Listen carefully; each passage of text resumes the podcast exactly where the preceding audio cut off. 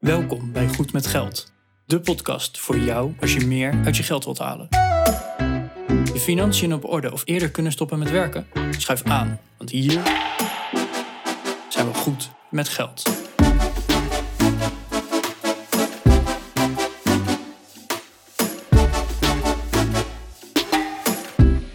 Aflevering 101 van de Goed met Geld podcast. Ik ben Bas En ik ben Arjan. En ja, deze aflevering 101, eh, het is 1 januari als die uitkomt, 1 januari 2021. En dat is misschien wel een mooi moment om het even hebben over eh, strategie en hoe je gaat bijsturen. En heel specifiek eh, willen we ingaan op een eh, mailtje dat we van een luisteraar hebben gekregen, van Steven. En Steven zegt van, ik ben al een tijdje bezig met FIRE, of om FIRE te worden. Hij geniet ook van de podcast, dat is echt waar, dat heeft hij echt gezegd. Dat verzin ik hier niet. Maar, maar wat hij niet zo goed eh door heeft nog, is van, eh, ik heb nou een portefeuille van wat ETF's en wat losse aandelen.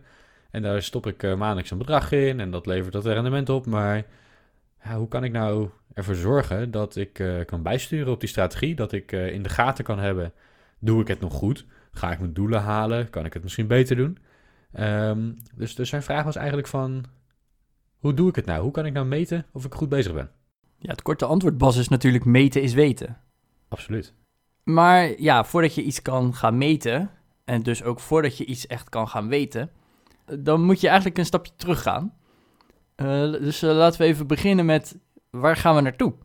Want ja, pas als je ergens naartoe aan het gaan bent, kan je ook een, een meetlat er langs gaan leggen. Dus, eh, nou Bas, volgens mij is het ondertussen wel duidelijk dat wij eerder willen stoppen met werken. Dat is ons doel. Absoluut. Nou, dus eh, uiteindelijk, ons doel is, nou, eh, bij mij is het geen geheim. Ik wil stoppen, of ik wil kunnen stoppen met werken voordat ik 50 ben. Ja. Eh, jij, Bas, hebt hem iets strakker gezet. Jij wil nog eerder kunnen stoppen met werken. Dat heb ik ooit geroepen. Ik heb geen idee of, dat, of ik dat dan nog steeds wil. Maar het is een mooi doel om naartoe te werken in elk geval. Ja, nou, en, en daar bedenk je dan een strategie bij. Van oké, hoe ga ik dat nu doen? En dat is eigenlijk wel grappig, want nog voordat ik heel het, het FIRE-principe kende, heb ik gewoon die berekeningen gemaakt. Oké, ik wil op mijn vijftigste dat bedrag hebben. En ik ga daar eh, zoveel rendement op halen. Hoeveel moet ik dan elke maand in gaan leggen?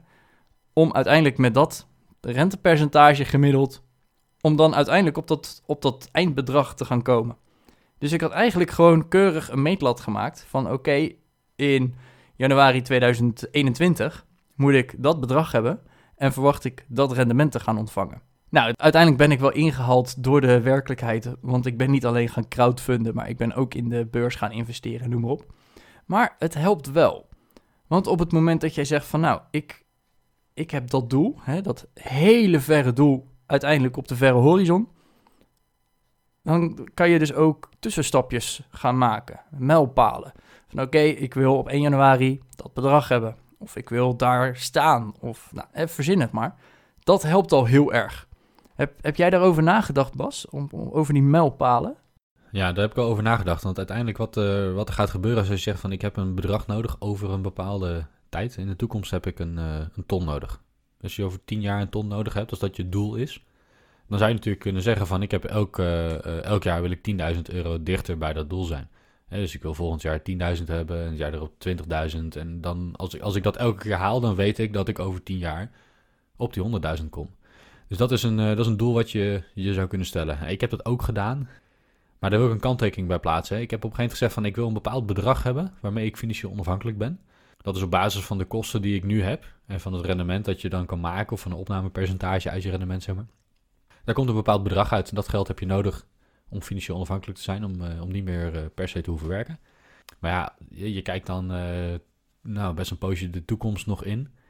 En als je dat gaat doen, dan, dan moet je eigenlijk ook rekening mee houden dat je kosten gaan veranderen, dat je levenssituatie er anders uit kan gaan zien. Dus het is heel moeilijk, vind ik, om te kwantificeren hoeveel geld ik nou echt nodig heb om eh, financieel onafhankelijk te zijn. Als dat vandaag de dag is, dan kan ik dat redelijk uitrekenen, want ik weet gewoon wat ik in een jaar ongeveer uitgeef. Dus ik weet hoeveel geld ik nodig heb, hoeveel geld ik moet halen uit mijn vermogen. Maar ja, als ik, eh, ik heb ooit eens ambitieus geroepen, ik wil mijn veertigste kunnen stoppen. Nou, eh, tegen die tijd ziet mijn financiële plaatje er misschien weer heel anders uit. Dus dan heb ik misschien wel veel meer geld nodig om te kunnen stoppen. Of misschien wel minder geld, omdat dan mijn huis is afgelost. Of nou ja, je weet het niet. Dat is een beetje het punt dat ik probeer te maken. Dus, dus het maken van zo'n doel, of het, het stellen van een doelbedrag dat je bij elkaar wil beleggen. Ik denk dat dat heel belangrijk is om jezelf een soort stip op de horizon te geven. Dat je een richting weet waar je naartoe moet. En of het dan 5 ton wordt, of 6 ton, of 7 ton, dat doet er eigenlijk niet toe. Dat doet er pas toe als je een paar jaar voor je, uh, voor je fire moment zit, zeg maar. Voordat je gaat stoppen met werken. Dan is het van belang dat je ervoor gaat zorgen dat je ook weet hoeveel je nodig hebt. En dat je dat geld ook echt hebt voordat je de stekker eruit trekt. Als je nog uh, 10 of 20 jaar weg bent van dat moment ja, dan is het gewoon heel belangrijk om een doel te stellen. Maar je weet er wel bij dat dat doel, of dat het doelbedrag in elk geval kan gaan veranderen onderweg. En daar moet je een beetje rekening mee houden. Dus dat doelbedrag ga je dan niet gebruiken om te kijken van... ik heb 6 ton nodig over 10 jaar, ik moet elke keer 60.000 euro erbij beleggen. Uh, nee, je gaat het gebruiken om, te, om ervoor te zorgen dat je je stinkende best gaat doen om die 60.000 erbij te beleggen. Zodat je niet te weinig doet. Zodat je een beetje op de goede weg blijft. En dan ben je onderweg en dan denk je van ja, gaat het wel goed? Want, en, dat is dus ook de vraag van Steven. Van ja, ik, uh, ik ben nu even bezig, maar doe ik het wel goed? Uh, kom ik wel aan mijn doelen? Kan het misschien beter? Of, of doe ik het juist heel veel beter dan de rest? Geen idee. En ja, daar gaan we dus verder ook vandaag op inhaken. Want ja, uh, Bas, jij investeert in ETF's ik investeer ook in ETF's. Ik heb ook nog een crowdfunding portefeuille. Uh, we hebben best wel interesse ook in vastgoed. Ja, hoe, hoe ga je dat nou meten? En dat zijn van die lastige dingen. En dan, dan ga je altijd even kijken van... oké, maar wat, wat doen andere indexen bijvoorbeeld? Ja, want wat je, wat je uiteindelijk wil gaan doen... Hè, is even, we hebben het zojuist gehad over, de, over het, het eerste meetmoment. Dat is, ben ik op weg om mijn doel te halen? Dat is, uh, dat is het eerste meetmomentje dat je, dat je hebt. Nou, als je dat, uh, als je even weer dat rekenvoorbeeld van de ton die je over 10 jaar wil hebben, dan wil je 10.000 euro per jaar aan vermogen erbij krijgen. Even heel lineair gerekend, hè? Kijk, op het moment dat je zegt van ik heb een uh, soort rendement en, en een rente-op-rente effect op dat rendement, dan wil je misschien de eerste paar jaren wat minder dan die 10k hebben. Ja, en op het einde gaat het wat harder, maar even simpel gerekend wil je dan gewoon jaarlijks 10k erbij krijgen. Hoe jij die 10k erbij krijgt, dat doe je deels door te sparen en deels door rendement te krijgen op je vermogen.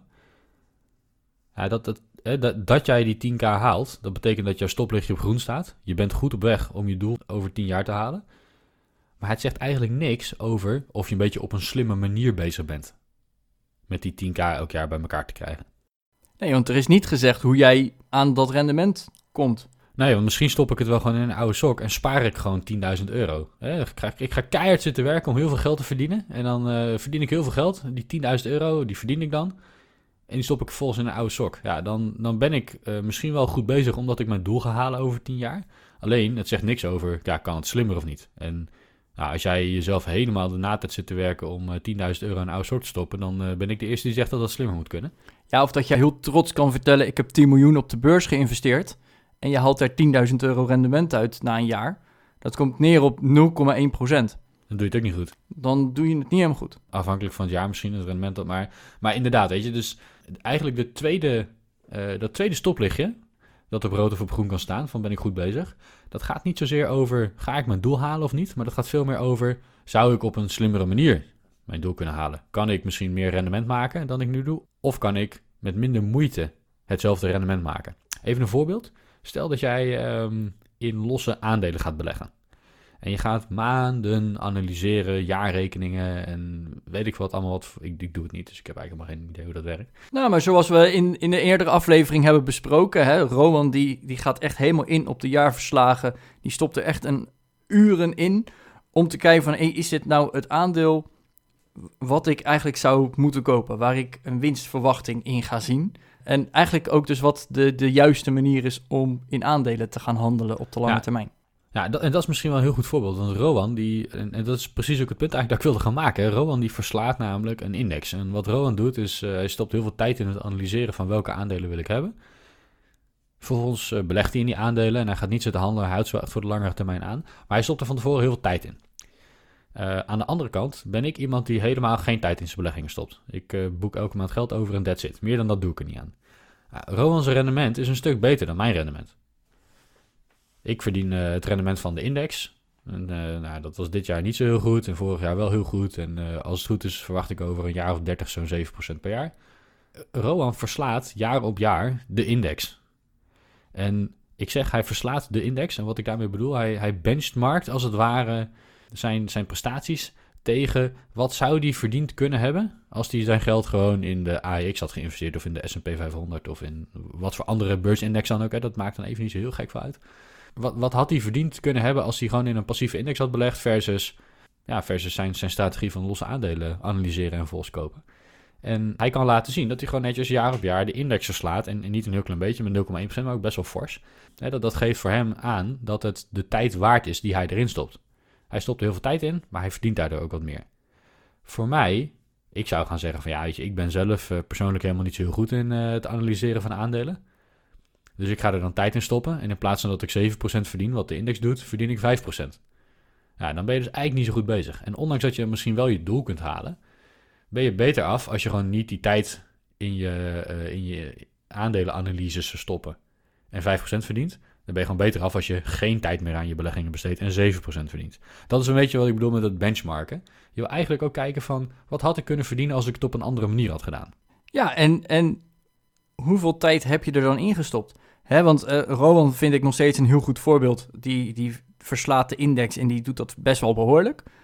Maar stel dat jij beste luisteraar, echt alle jaarverslagen aan doorlezen ben en echt super goed bezig ben om maar de juiste aandelen te selecteren. En je haalt een rendement van 7,2%.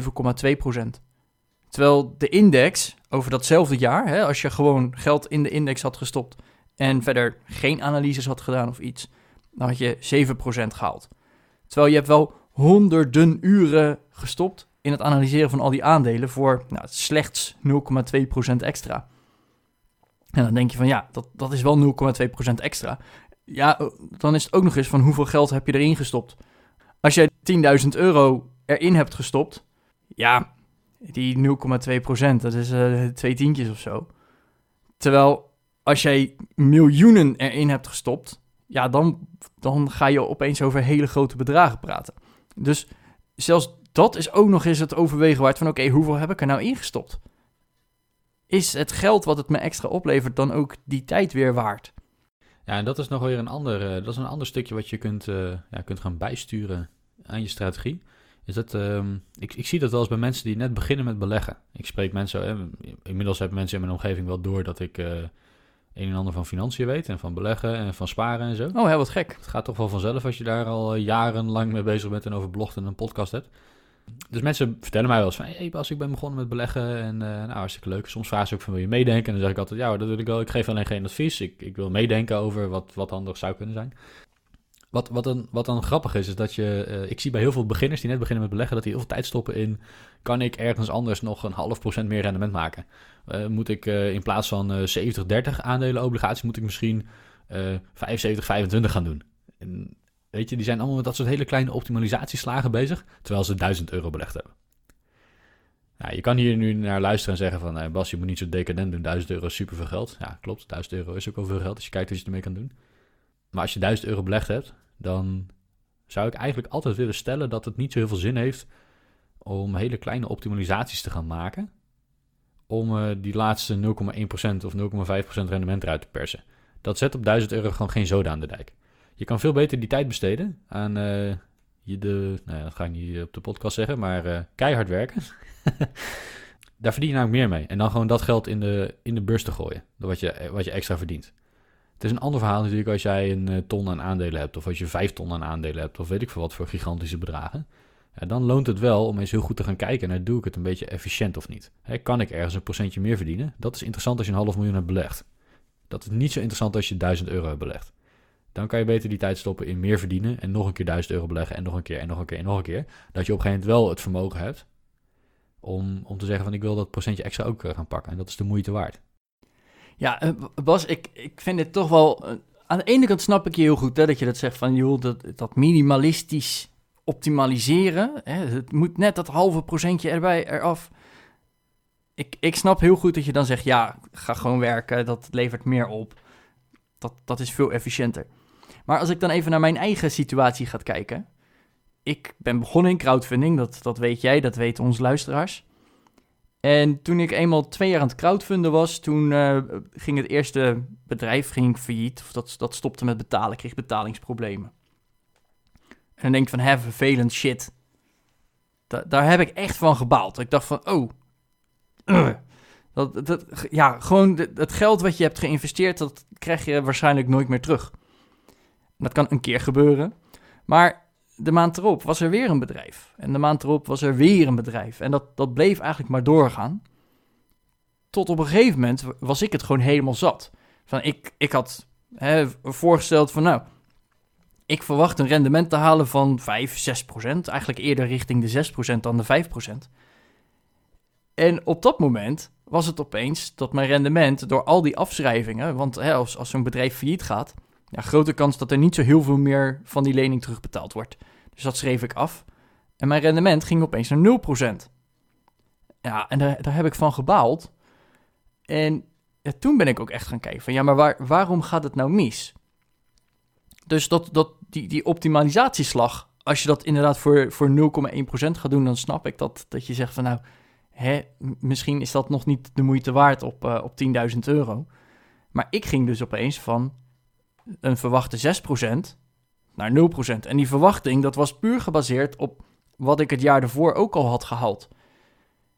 Dus eh, tegen mijn eigen benchmark ging het opeens echt verkeerd. En toen ben ik echt gaan kijken van oké, waar gaat het nou mis? En daar heb ik echt wat uren in gestopt. Van oké, maar wat als?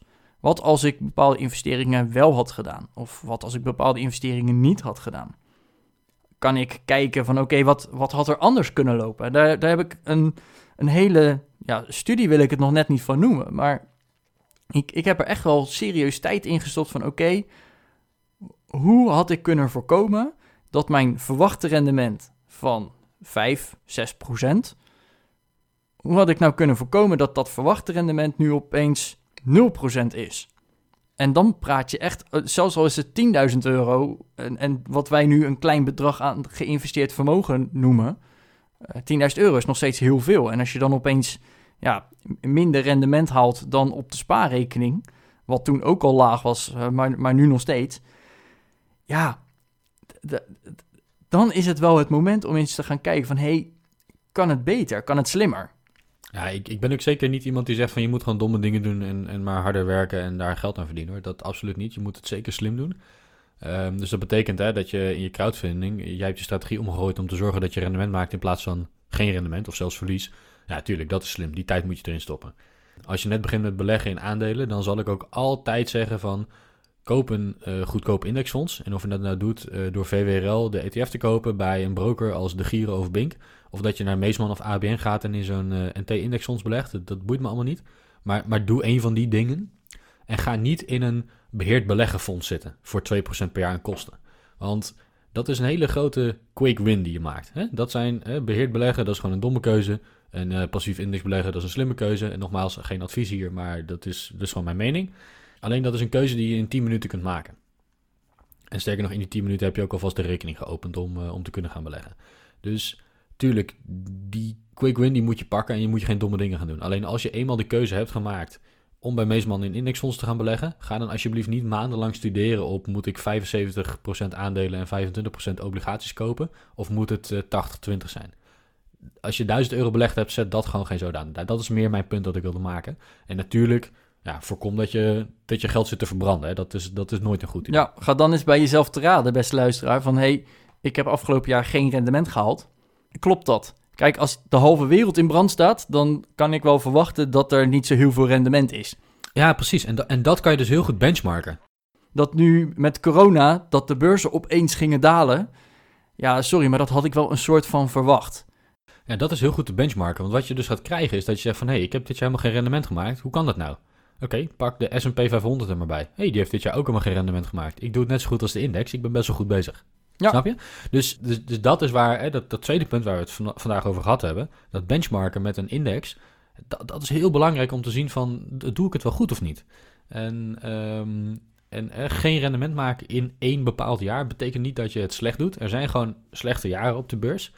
Als je in eh, crowdfunding eh, eh, beleggingen hebt, dan kan het zijn dat er een paar projecten ineens afgeschreven moeten worden in een bepaald jaar. Dat, dat gebeurt, dan heb je een slecht rendement. Als jij in vastgoed belegt en je hebt toevallig in een jaar heb je leegstand gehad en je hebt een nieuwe keuken moeten plaatsen, dan heb je in dat jaar ook een negatief rendement. Dus slechte jaren gebeuren, maar kan je dat benchmarken aan, aan een index, aan een soort eh, objectieve meetlat van hoe de hele wereld het gemiddeld doet? Ja, en als je daar een beetje in dezelfde richting zit, dan weet je in elk geval dat je het goed doet. Ja, of bepaalde gebeurtenissen, hè? Wat, wat jij zegt met jouw eh, vastgoed. Dat je zegt van ja, het kan gebeuren dat je leegstand hebt. Ja, dat kan je niet aan de markt benchmarken. Leegstand, dat gebeurt je gewoon als je vastgoed hebt. Ja. Maar ja, als jij zegt van ja, dat huis heeft toen twee, misschien wel drie maanden leeg gestaan. En in die drie maanden heb ik ook nog eens een verbouwing gedaan. Want hè, de vorige huurder die had het niet helemaal netjes achtergelaten. Dus moest een nieuwe keuken in. De badkamer was nu wel echt aan vervanging toe. Ja, dan kost je dat gewoon heel veel geld. Je hebt drie maanden daar geen inkomsten in. Ja, dan, dan is je rendement gewoon lager. Maar je kan wel precies aanwijzen van ja, maar dat komt daardoor. Precies. En dat is dus heel belangrijk. En dat wil ik dus ook zeggen. In mijn strategie-evaluatie ben ik erachter gekomen van... oh, maar ik kan dus echt aanwijzen van... oké, dat type projecten... daardoor heb ik dus nu zo'n negatief rendement. Doordat ik veel verschillende bedragen ben gaan investeren... en een, een, een hele grote investering gaat opeens mis. Dat drukt op je gehele rendement. Dus door daar die strategie aan te passen... lukt het me inderdaad ondertussen wel om een positief rendement te halen... dat wel richting die 6% gaat. Ik haal nog steeds geen 6%, maar ik, ik ga wel die kant op. En ja, dat is dan wel heel gaaf ook om te zien dat zo'n bijsturing en zo'n benchmarking, dat dat dan wel gaat werken. Dus dan een klein dingetje wat we misschien even moeten noemen. We hebben het nu gehad over het meten van ben ik goed op pad. Zowel vergeleken met mijn doel als vergeleken met de markt, even in zijn totaliteit. Maar daar hebben we het eigenlijk constant gehad over één uh, enkele beleggingsklasse. Aandelen of obligaties of crowdfunding of vastgoed of nou, noem maar op wat belangrijk is, is dat uh, wat je even moet realiseren, is dat mensen vaak in meerdere asset classes beleggen. Zo heb ik bijvoorbeeld een deel uh, aandelen en een deel obligaties. Arjan heeft een deel uh, crowdfunding en een deel aandelen. Ik ben op dit moment bezig met, met een vastgoedbelegging. Ik heb geen idee of dat doorgaat of niet, dus ik gooi het gewoon maar even op de, op de microfoon. En nou, misschien ga ik volgende week vertellen dat het allemaal niet is gelukt. Maar in dat geval heb ik een stukje aandelen, obligaties en een stukje vastgoed. En wat er eigenlijk nog, nog bij komt, bij, bij, met name het stukje bijsturen, is als je in meerdere assetclasses uh, belegt, dat je onderweg een beetje gaat bijhouden van klopt de verhouding nog. Ik had van tevoren bedacht 70-30, 70% aandelen, 30% obligaties. Maar ja, na een jaar heeft de beurs het gewoon heel goed gedaan. Aandelen zijn keihard omhoog gegaan en obligaties niet. Dus het is nu een soort van 80-20 geworden. Ja, dan moet je even gaan afvragen, is dat wat ik wil? Of moet ik misschien een paar aandelen gaan verkopen en daar obligaties voor kopen, zodat ik weer op 70-30 uitkom? Dat, dat kan je met aandelen en obligaties heel makkelijk doen, hè, omdat het vaak uh, gewoon verhandelbare indexfondsen zijn of ETF's of, of wat dan ook. Met, met crowdlending, Arjan, kan dat ook redelijk, denk ik. Tenminste, hè, je kan niet in één keer de helft van je portefeuille verkopen, maar je kan natuurlijk wel zeggen van ja, weet je, alles wat eruit komt, hè, alle, alle aflossingen die ik ontvang, die maken mijn portefeuille kleiner en die ga ik niet opnieuw beleggen. Hè, dus op die manier kan, je nog, kan je nog wel redelijk goed bijsturen, denk ik. Um, ja, op het moment dat je in vastgoed zit, dan, dan wordt het gewoon een stuk lastiger. Hè. Dan kan je nog wel zeggen van nou, ik wil um, mijn vermogen in vastgoed vergroten door de hypotheek bijvoorbeeld wat sneller af te lossen. Maar de, de stappen zijn er groot, hè, dus je kan dan wat minder gedetailleerd bijsturen. Maar in elk geval wat wel een goede is om ook gewoon één keer per jaar even zo'n momentje te pakken. Om dus te kijken van, uh, ben ik op de route om mijn doel te halen? Kan ik het slimmer doen? Omdat ik nu gewoon uh, slechter presteer dan de markt of dan de benchmark?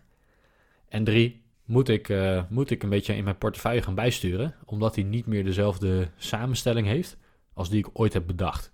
Als je die drie stappen even elk jaar langsloopt, dan zit je heel goed op bovenop je beleggingen. Ga dat niet elke maand doen of elke week, maar doe het gewoon één keer per jaar. En dan, dan komt het over tijd wel goed. Ja, en Bas, ik, ik wil er ook nog even aan toevoegen bij dat herbalanceren en bijsturen. Ik ben er in mijn strategie ooit mee begonnen om crowdfunding te doen. ik heb een best wel grote crowdfunding portefeuille ondertussen opgebouwd.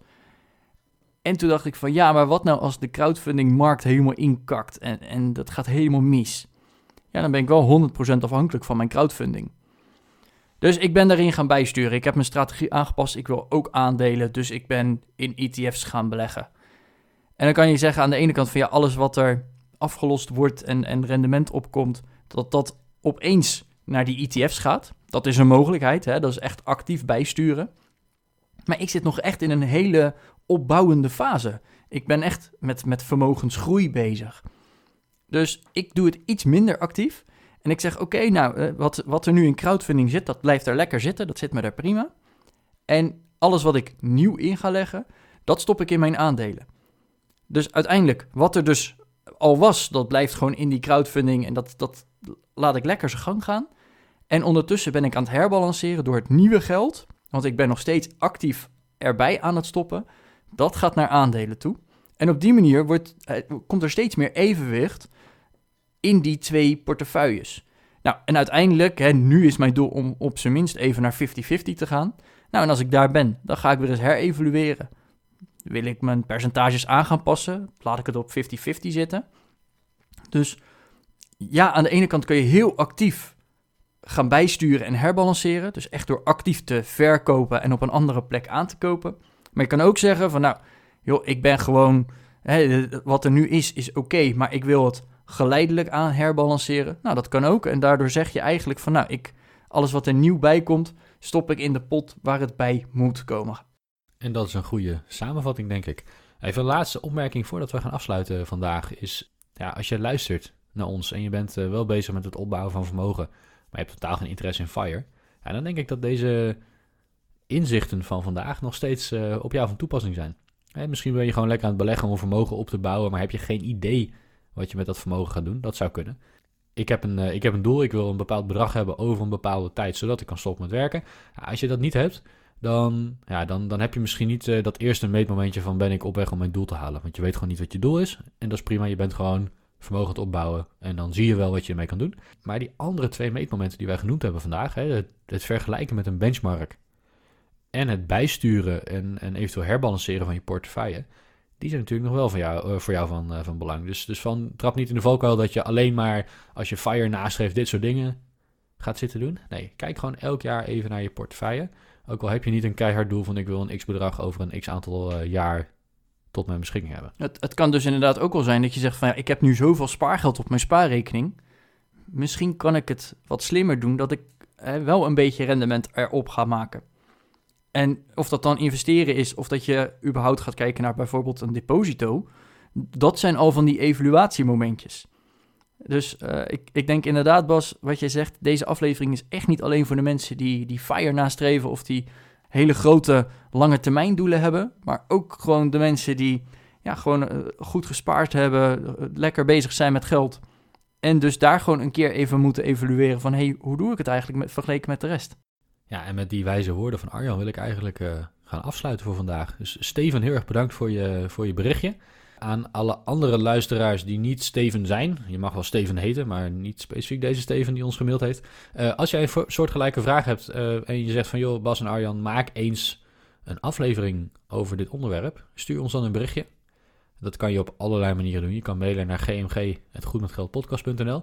Je kunt ook naar www.goedmetgeldpodcast.nl gaan en daar even op de contactpagina klikken. Dan kan je een formuliertje invullen. Hoef je ons geen mailtjes te sturen. Misschien wat makkelijker.